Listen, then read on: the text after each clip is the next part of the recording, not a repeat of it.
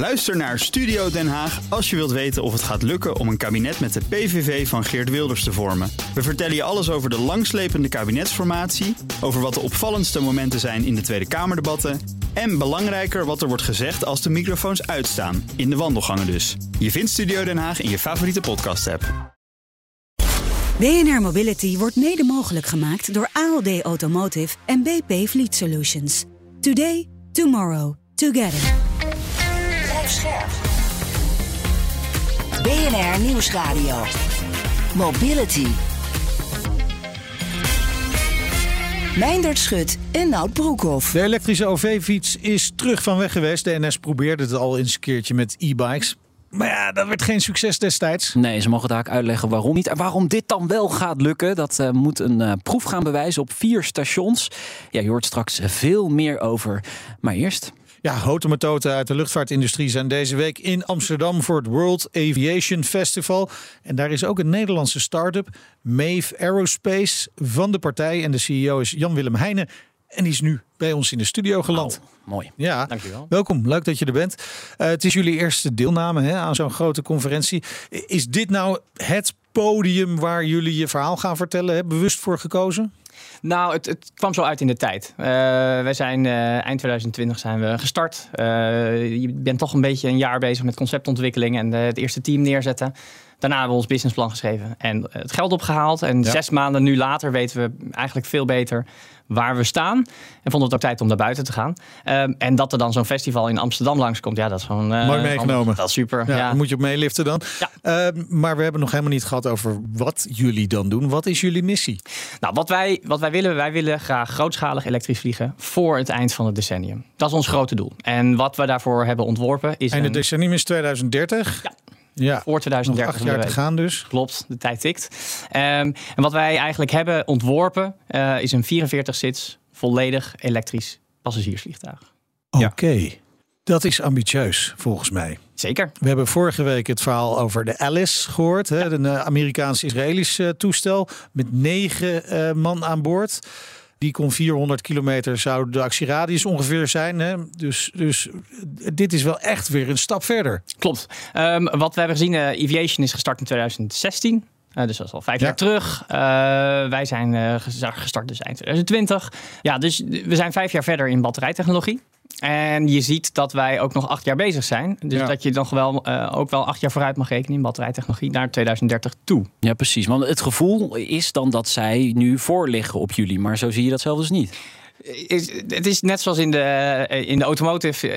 Je, je vergelijkt een, een, kleine auto met een grote auto met een vrachtwagen met een touringcar. Iedereen heeft zo zijn eigen segment en zijn eigen niche. Wij zijn wel de eerste in het segment van grote okay. elektrische passagiers. Oké, okay, laat, laten we daarover hebben straks, over die niches. Maar eerst maar even over de keuze voor elektrisch. Hè? Want daar, daar zit iets lastigs in. Je gaat kilo's de lucht in. Volgens mij had die Alice heeft 4000 kilo aan batterijen ja. aan boord. Ja. Hoeveel gaan jullie mee de lucht in slepen? Een veelvoud daarvan. Ja. Een veelvoud daarvan. Dat is toch niet ja. logisch? In principe zou je kunnen zeggen, nee, het is, het is tegen, tegen, tegenstrijdig. Ja. Maar als je het gaat vergelijken met onze andere alternatieven. We biobrandstof, bio waterstof, waterstof dan is elektrisch vliegen vooral op de korte afstand dus een superieure okay. optie. Oké, okay. dus jullie gaan wel ook daadwerkelijk voor de korte afstand? Ja. En hoe ver is dat dan? Nou, wij schatten 550 kilometer okay. in 2030. Ja. Dat is wat we schatten. Oké, okay, en dat is dan verschil vergeleken met die Alice die je hebt gezegd 400 kilometer om en nabij. Ja. Dus je zit ietsje verder en meer passagiers. Ja. Dat is het grote verschil. Ja. ja, maar dat beperkt je natuurlijk toch alweer in de afstand binnen bijvoorbeeld Europa. Parijs is te doen, maar Klopt. ik was vorige week in Nice. Daar, ja, daar kun je ja, niet naartoe vliegen. Nou, kijk, het mooie is, en waarom daarom is elektrisch vliegen, daarom hebben wij voor elektrisch vliegen gekozen mm -hmm. als de winnaar, is batterijtechnologie staat niet stil en gaat continu vooruit. Een elektrische uh, auto die laat je misschien een paar keer per week op, twee keer per week laat je die op. Een elektrisch vliegtuig vliegt zes tot acht keer per dag. Ja. Dat betekent dus dat de batterij binnen een jaar uh, vervangen moet worden. Ehm, dus je verwisselt ieder jaar je batterij. Helemaal goed, want die batterij kun je op de grond gebruiken. Oh ja. Ehm, maar het betekent als dus- als uh, Powerwall bijvoorbeeld. ja, als, als, als, buff- als buffer bij Ja. je snellader. Ja. Ja. Maar het mooie is, je hebt ieder jaar de opportunity om de laatste batterijtechnologie in je huidige vliegtuig te plaatsen. En een vliegtuig gaat 20 jaar mee. Dus dit vliegtuig gaat 20 keer een klein sprongetje in range maken, totdat je op een gegeven moment wel naar Nice vliegt. En Ja. dat maakt elektrisch vliegen Ja. een echte winnaar. Maar dat die degradatie zo groot is. In één jaar schrijf je dus eigenlijk al een batterij min of meer heeft, af. Hij heeft dezelfde degradatie als in een elektrische Ja. auto. Ja. Als jij jouw auto zes tot acht keer per dag zou kunnen opladen, Ja. dan was die, had hij hetzelfde gedaan. Ja, het ligt er wel een beetje aan hoe snel je hem op kunt laden natuurlijk. Hè? Ja. Want je hebt echt hoeveel meer batterijen heb je aan boord dan eh, bijvoorbeeld een gemiddelde elektrische auto. Ja, eh, Het is eh, toch wel bijna 100 keer. ja, 100 maar, keer. eh, kijk, Duurt het dan ook 100 keer zo lang om het op te nee, laden? uiteindelijk eh, doe je hetzelfde, maar dan met een. eh, je, doet, je zet ook 100 superchargers er tegenover. Ja, En, en, en dan wordt het weer 35 minuten, zoals het ook in een Tesla is. Oké, dus dat is net genoeg tijd om, om hem schoon te maken van binnen en Precies. hup, weer Dat de is precies- volgende dat is vlucht precies te maken. doen. Ja. Oké. Ja. Ja. Bekende kritiek is dan natuurlijk altijd van ja, kan ons elektriciteitsnetwerk dat überhaupt aan? Nou ja, dat, dat is dus de truc. Daarom gebruik je die batterijen die uit je vliegtuig komen als enorm buffer. Ja. Die staan de hele dag te wachten zonder energie op te laden. En op het moment dat er een vliegtuig langskomt, gooi je al die zonne-energie in je vliegtuig. Ja, het plaatje is al helemaal compleet eh, Hier in het je hoofd en op papier. Zeker. Maar je bent nu ruim een jaar bezig, dus eh, er moet ook wat gebeurd zijn. Waar, waar sta je op dit moment? Nou ja, in een ruim een jaar. We zijn eind 2020 begonnen. Ja. We zijn van eh, twee man naar zes man.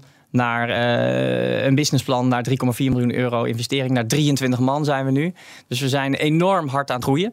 Ehm, en we zijn ons nu aan het voorbereiden op, eh, eigenlijk op de volgende stap. En de volgende stap is dat je eigenlijk zo snel mogelijk je componenten de lucht in wil krijgen. Je wil vliegen Ja. met componenten in een bestaand vliegtuig weliswaar. Testen wat er werkt en wat er niet werkt. Ja. En ja, dat, dat is de volgende investeringsronde. En die hopen we de eh, eerste helft van het volgende jaar te gaan sluiten. Want nu dus nog met bestaande vliegtuigen testen. Maar ik neem aan dat je op een gegeven moment naar een ander soort toestel wil ook. Kan ik me voorstellen. Ik, ik heb die Alice ook gezien. Het ziet er duidelijk wat anders uit dan Ja. de reguliere vliegtuigen. Ja. Wa- waarschijnlijk om het vliegen, het glijden door de lucht misschien wat makkelijker te maken. Klopt Ja. dat? Nou ja, kijk, ehm, wij dachten ook toen we begonnen in het eind 2020, wel, we gaan met een heel nieuw ontwerp komen. Ja. Zijn we negen maanden zijn we gaan rekenen, komen we weer terug. Een heel conventioneel vliegtuig die er gewoon uitziet als een normaal vliegtuig. Want dat is gewoon een goed ontwerp. Het is gewoon een goed ontwerp en het, is, het is eh, voorspelbaar, het is goed te bouwen, het is stabiel in de lucht. Dus daar zijn we op uitgekomen. Ik zie wel vier motoren aan, aan ieder eh, vleugel. Nou, dat zijn, dat zijn dus de cruciale vragen die je dit jaar aan het, aan het, aan het behandelen bent. Ja. hoe ziet je powertrain eruit? Hoe ziet je batterij eruit? En die wil je ook bouwen. Ja, maar gaan jullie die batterijen zelf ontwikkelen? Ja, dus wij denken dat we ook ons differentiëren op technologie. Want de kern van ons bedrijf is batterijontwikkeling. Dat is echt de kern. Want wij moeten een batterij hebben die lichter is dan een Tesla, veiliger is dan een Tesla. Alles moet beter om, de, om die lucht in te komen. Dus licht, veilige en verwisselbare batterijtechnologie, dat is de kern van waar wij mee bezig zijn. En dan gaan we weer verder met, eh, met de integratie in het, in het airframe. Is dat wat de traditionele eh, luchtvaart ervan weerhoudt om hierop in te springen? Het zijn meerdere de- dingen. En een Airbus of een Boeing maakt vliegtuigen vanaf 108 passagiers. Ja. Wij maken een 44-zitter. We zitten niet eens in hun markt.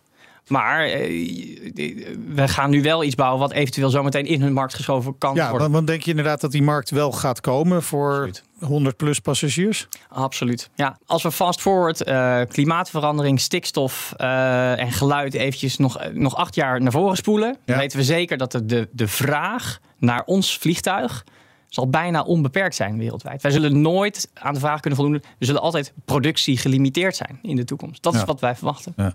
Er zit nog wel natuurlijk een, een centenkwestie aan. Hè? Want je hebt het over die batterijen die eigenlijk elk jaar vervangen moeten worden. Nou, als we één ding weten is dat batterij gewoon duur is. Hè? Ook bij een elektrische auto is het duurste onderdeel van die hele auto. Ja. Zonder die batterij kun je hem ook voor 10.000 euro kopen, bij wijze Ja. van spreken. Ja. Dat gaat een flinke kluif eh, worden dan, kan ik me zo voorstellen. Ja, er zijn eh, allereerst is eh, het vliegtuig. Nou, eh, kijk, je, je bent naar de toekomst aan het praten, dus er zijn Ja, nog zoveel precies. cijfers in concept. Maar je kunt wel ongeveer zeggen, nou, zoiets kost ongeveer, een vliegtuig kost ongeveer 40 miljoen euro. Ja. En de batterij ongeveer een miljoen euro. Dus dat, dat valt wel Dat fractioneel nog valt nog mee. wel mee. Ja.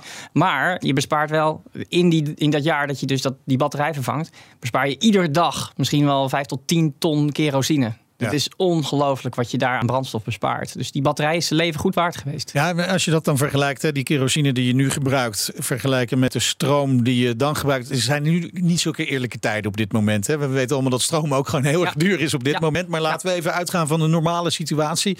Is dat dan echt veel goedkoper Zeker. dan op vlie- vliegen op kerosine? Zeker, zeker. Wat we Dat is nu onbelast. Hè? Ik bedoel, dat is ook nog wel een dingetje. Ja, nou wat we, wat we nu gaan krijgen is, we gaan een tijdperk in waarin we naar duurzame energie gaan. Dus zon en wind. Nou, wanneer is de energieprijs super laag of zelfs negatief? Als er veel zon en wind is. Als je Ja. vliegt. Eh, Nou ja, dus je, dus je, je hebt dus- toch? je, hebt die, je hebt die batterij, die heb je dus Ja, ja, ja, ja. op de grond staan. Ja, precies, ja. En die kan die wind en die zon bijna tegen laagste prijzen kan die, die pakken om vervolgens in het vliegtuig te gooien. Ja. Dus je ziet een hele duidelijke combinatie van elektrisch vliegen en duurzame energie. En het, wat ertussenin zit is die bufferbatterij. Ja, jullie hebben een bepaalde planning eh, richting 2030. Ja.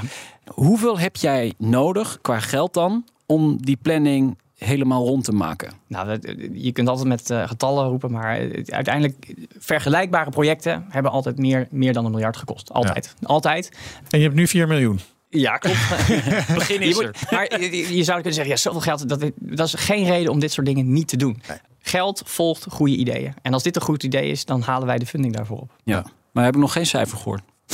Eh, voor Ja, voor wat je wil ophalen. volgend jaar willen we eh, meer, richting de 40 miljoen willen we op Zo, gaan halen. Ja, oké. ja, ja, ja. En dan kun je je plannen tot aan 2030 bekostigen. Nee, nee, nee. Dan Nee. zitten er nog veel meer rondes tussenin. Maar wat we wel hebben aan het einde van, dat, van die investering is eh, batterijtechnologie en aandrijf en, en motoren voor, voor vliegtuigen die getest en uitgeëngineerd zijn. Ja. Oké, nou, nou zijn traditionele eh, partijen in de luchtvaart hier zelf niet zo erg mee bezig hè, in, in- met het zelf ontwikkelen. Zijn ze wel geïnteresseerd? Zijn, zijn jullie in gesprek met de traditionele luchtvaart? Nou, Of kijken niet aan, ze- de, niet aan de fabrikantzijde. Nee. nee, nee, nee. nee, nee. En de, en de luchtvaartmaatschappijen, zijn die wel geïnteresseerd? Ja, daar zijn we goed mee in gesprek. Zijn we met eh, goed veel partijen zijn we, zijn we in gesprek en we merken dat daar interesse is. Oké. Oké. Eh, Kun je namen noemen? Nee. Nee. De komende dagen is natuurlijk dat festival hier in Amsterdam. Dus dat is ook een kans om ja, die interesse te peilen. Zeker. Ja. Ja, Zeker. dus staan er al afspraken? Eh, Ook, Ja. ook daar, ook daar hè, Ja, we, ja, ik- ja. we lachen. Maar ehm, kijk, het, het gaat erop neerkomen dat ehm, eh, de, beper- de productie is beperkt in de toekomst. Van, van elektrische vliegtuigen. dus, dus we zullen zien dat er maar een, een aantal partijen zijn die heel serieus hiermee bezig zijn. Ehm, en die zijn eigenlijk reserveringen nu aan het oppikken. Wij zijn er nog niet bij begonnen. Maar we gaan nu wel zo'n beetje de eerste eh, gesprekken richting, richting reservering gaan, Ja. we, gaan we aan. Ehm, en dat betekent dat binnen. Wij, kijk, als je kijkt naar de hard aerospace, de aviations. Die zijn al lang uitverkocht. Vijf jaar vooruit. En die beginnen ook in 2028 te produceren. Dus het, is wel, het is obviously dat we, dat we daar nu ook heen willen met ons bedrijf. Dat is, eh, Ja, en als we kijken naar jullie grootste concurrent eh, in de toekomst, is dat de ouderwetse luchtvaart of is dat misschien eh, de Hyperloop? Ook uit Delft, hè? oh, nou, ook ik- uit wij- Delft. nou, ja, goed, Kijk, wat het mooie van een vliegtuig is, is je hebt bijna geen infrastructuur nodig. Je hebt eh, een, een asfaltbaan links, een asfaltbaan rechts nodig en je bent er. En dat maakt luchtvaart zo ontzettend efficiënt en ook eh, goedkoop. Wie zijn onze concurrenten? Ik denk dat deze markt zo groot is, Ja. dat we de komende vijf jaar, eh, nadat we beginnen met productie, nog niet eens concurrentie zullen zien. Denk je dat, dat uiteindelijk ook de kans er is dat jullie de technologie eh, gaan verkopen in plaats van echt vliegtuigbouwer te worden? Wij gaan voor het vliegtuig. Oké. Maar het mooie is, als je dus envision dat je een vliegtuig gaat bouwen... en je bent alle je componenten daar aan het bouwen... dan komt de technologie er zo vanzelf bij. En dat is, dat is wat we aan het doen zijn. Het zou wel heel mooi zijn als we na Fokker eindelijk weer een echte vliegtuigbouwer in eh, Nederland zouden hebben. Fantastisch verhaal. Dank voor je komst. Heel veel succes. gedaan. We zijn heel benieuwd. We gaan het in de gaten houden. Jan Willem Heijnen, CEO van Mave Aerospace. BNR Mobility. De elektrische OV-fiets maakt een comeback. Ja, de NS is een proef gestart met 30 e-bikes bij station Driebergen-Zeist. En de komende tijd volgen, als het goed is, nog meer stations. En Marise Bezema is eh, binnen de NS verantwoordelijk voor de OV-fiets. Welkom in de uitzending. Hartelijk dank, welkom, graag hier te zijn. Mooi dat je er bent. Het is natuurlijk al eens eerder geprobeerd. Hè? Vandaar dat we het over de comeback hebben. Het was toen geen succes. Kun je uitleggen waarom dat geen succes was? Nou, dat is eigenlijk eh, twee hoofdoorzaken heeft dat. eh, in 2009 hebben we voor de eerste keer de elektrische OV-fiets geïntroduceerd. En ik denk dat we kunnen zeggen dat we toen onze tijd te ver eh, voorbij eh, waren. Twee redenen. Eén, in 2009 was de OOV e-bike niet hip genoeg. Eigenlijk zat alleen je oma op een elektrische fiets. En dat is nu wel echt anders. Hoe ze eruit zagen destijds. Dat was niet heel fraai. Nee, dat was niet heel fraai. En tweede reden is dat de kwaliteit van de batterij uh, de afgelopen jaren enorm is verbeterd. Dus in 2009 hadden we gewoon heel veel technische problemen. Uh, met name doordat de batterijen gewoon heel snel leeg waren. En dan stond je ver weg van het station met een hele zware fiets waarvan de accu leeg was. Ja. En die kwaliteit van de accu's is natuurlijk enorm verbeterd de afgelopen tijd. Ja, zeker weten. En dus nu een nieuwe poging. Wat voegt die elektrische OV-fiets nou toe aan de diensten die jullie eigenlijk al aanbieden? Nou, we doen heel veel klantonderzoek en uh, met stip op nummer 1 van de wensen van onze klanten is een uh, elektrische OV-e-bike uh, toe te voegen. Je ziet eigenlijk twee doelgroepen, zowel sociaal-recreatief, dus mensen die graag erop uitgaan en dan wat grotere afstanden willen fietsen. En twee, ook echt bij de zakelijke reizigers die niet bezweet op hun afspraken willen komen, is de wens voor een elektrische fiets heel hoog. En we hopen dus beide doelgroepen te kunnen bedienen. Het is nog wel een pilot, dus wat houdt jullie dan tegen? Omdat, hè, omdat de, de vraag is dus er wel naar, maar waarom niet gelijk hop groots uitrollen die, uh, die e-bike OV-fiets? Ja, er zijn heel veel dingen die we nog willen leren. We willen leren of de prijs 10 euro voor 24 uur goed is. We willen heel veel leren over brandveiligheid. We laden de accu's op in de bewaakte stallingen. Is dat veilig? Hoe gebeurt dat? Maar we willen ook leren over het beheer en onderhoud. Eigenlijk de hele propositie uh, willen we onderzoeken. En in de vorm van een pilot geeft dat ons gewoon de mogelijkheden om, uh, om dat eerst te ontdekken en uit te zoeken en te kunnen verbeteren voordat we overgaan naar een brede uitrol. Ja, en je zegt 10 euro voor 24 uur. Is dat ook iets wat bij de pilot hoort of is dat een prijs die al vaststaat voor ook de toekomst? Nee, dat is echt ook een prijs die bij de pilot hoort. Ja, oké. Dus het zou nog duurder of misschien wel goedkoper kunnen worden. Als het al wel goed Zeker. gaat met beheer en onderhoud en de brandveiligheid goed gaat. Ja, of we laten de eerste 24 uur los en gaan naar een ander ja. model. Nu kiezen we er echt voor om eigenlijk de, de positie gelijk te houden aan die van OV Fiets, namelijk 24 uur één bedrag. Maar wellicht uh, past bij de e-bike toch een andere ja. propositie. Je krijgt daarvoor een fiets die 110 kilometer actieradius heeft, als ik het goed heb. Ja, correct. Als je hem op de laagste stand uh, zet. Oké, okay. ja, precies. Dat ja. doen mensen natuurlijk bijna nooit. Maar ja, wie gaat er 110 kilometer uh, fietsen nadat je met de trein bent gegaan? Dat is misschien ook niet zo uh, heel erg slim. Maar wat is het eigenlijk voor fiets? Is die speciaal voor de NS ontworpen? Nee, het is een, een, een standaard model van de leverancier Noord Schrap e-bike to go. Uh, en het is uh, wel een fiets die speciaal in de kleurstelling voor OV-fiets gemaakt is. Maar als je goed kijkt, kun je het model op meer plekken rond zien rijden. Oké, okay, maar wel herkenbaar dus als NS-OV-fiets. Zeker. Verwachten jullie ook veel van, van zakelijk gebruik? Ja, we verwachten ook wel echt wel veel van zakelijk gebruik. Ook omdat we weten dat zij graag uh, nou, zonder rood hoofd en, uh, en een bezweet lijf op de afspraak aankomen. Uh, verwachten we ook wel veel zakelijke gebruikers voor de OV-fiets. Is het regiogebonden? Want ja, in de Randstad rijden er natuurlijk al veel meer elektrische fietsen rond. Dus ik, kan me voorstellen dat jullie je richten op, op andere regio's in Nederland met, met de e-bike. Ja, we hebben voor de pilot echt gekeken naar verschillende type reizigersprofielen. Juist ook omdat we zoveel mogelijk willen leren natuurlijk. Dus waar zijn bestemmingen van het station wat verder af? Waar heb je veel uh, sociaal-recreatief verkeer? Waar heb je veel zakelijk verkeer? En eigenlijk op basis van nou, die verschillende profielen van stations uh, hebben we vier stations uitgekozen. We zijn vrijdag live gegaan op uh, Driebergen-Zeist. Maar er zullen dus nog drie stations binnenkort ja. volgen. En hebben jullie al een idee voor welke afstanden deze fietsen gebruikt zullen gaan worden? Ja, de inschatting is dat het voor afstanden vijf kilometer en meer zal zijn. Ja, precies. En, en, je hebt natuurlijk ook uh, kortere afstanden. Ik kan me voorstellen dat mensen daar ook een oplossing voor zoeken. Denken jullie daar ook nog over na? Bijvoorbeeld elektrische stepjes. Ik weet, het mag op dit moment nog niet, maar in de toekomst misschien wel. Is dat iets wat jullie in de gedachten meenemen al? Ja, daar hebben wij uh, wel over nagedacht. Uh, vooralsnog zien we daar geen rol in uh, weergelegd voor NS. Anders dan dat we dat wel zien voor de OV-e-bike. Heel veel deelaanbieders die, die zullen hier ook naar gaan kijken dat jullie dit gaan doen als NS zijnde. Ja, zoals wij ook naar hun kijken. Ja, ja, maar ga je die concurrentiestrijd ook echt aan? Nou, ik zie het niet als concurrentiestrijd. Ik zie het echt als aanvullende oplossingen in elkaar, eh, op elkaar. Wij heten niets voor niets OV-fiets. Dat betekent dat wij een OV eh, gebonden deelfietsaanbod hebben. Echt voor het laatste stuk van je reis. Wij zullen nooit het centrum of de stad ingaan of op plekken los van dat OV-knooppunt te staan. Dus het, het is echt een, een andere propositie, een ander product. En ik denk dat beide systemen heel goed aanvullend op elkaar werken. Ja, dat zal sommige deelaanbieders uh, geruststellen dat je, dat je dit zegt, inderdaad. Uh, wanneer weten we of deze pilot uh, geslaagd is? Nou, de pilot starten voor de loop van een jaar. We zullen natuurlijk gedurende dat jaar al evalueren, maar we kiezen echt voor een jaar omdat we ook seizoensinvloeden mee willen ja. nemen op en de vraagkant, maar ook meer op de accukant. Wat doet warmte, wat doet kou, uh, hoe ziet het eruit? En na een jaar gaan we echt de definitieve evaluatie doen. Ja, en dan is, is het wel een doel om het verder uit te rollen, bijvoorbeeld in heel Nederland, of toch weer die gerichte aanpak in regio's? We hebben wel een beeld dat als de pilot succesvol is, dat we zeker willen gaan opschalen.